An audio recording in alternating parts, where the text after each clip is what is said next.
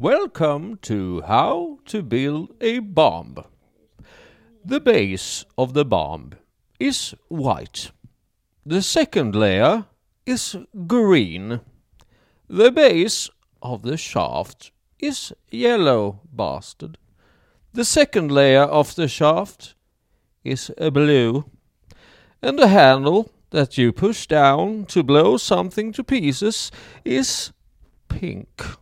So, there you go. Boom, boom, bomb, bomb.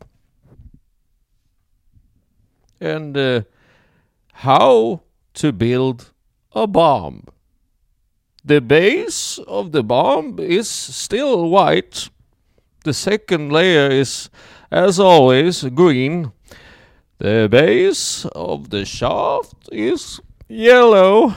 Bastard. The second layer of the shaft is blue, and the handle, the little thing on top, is pink.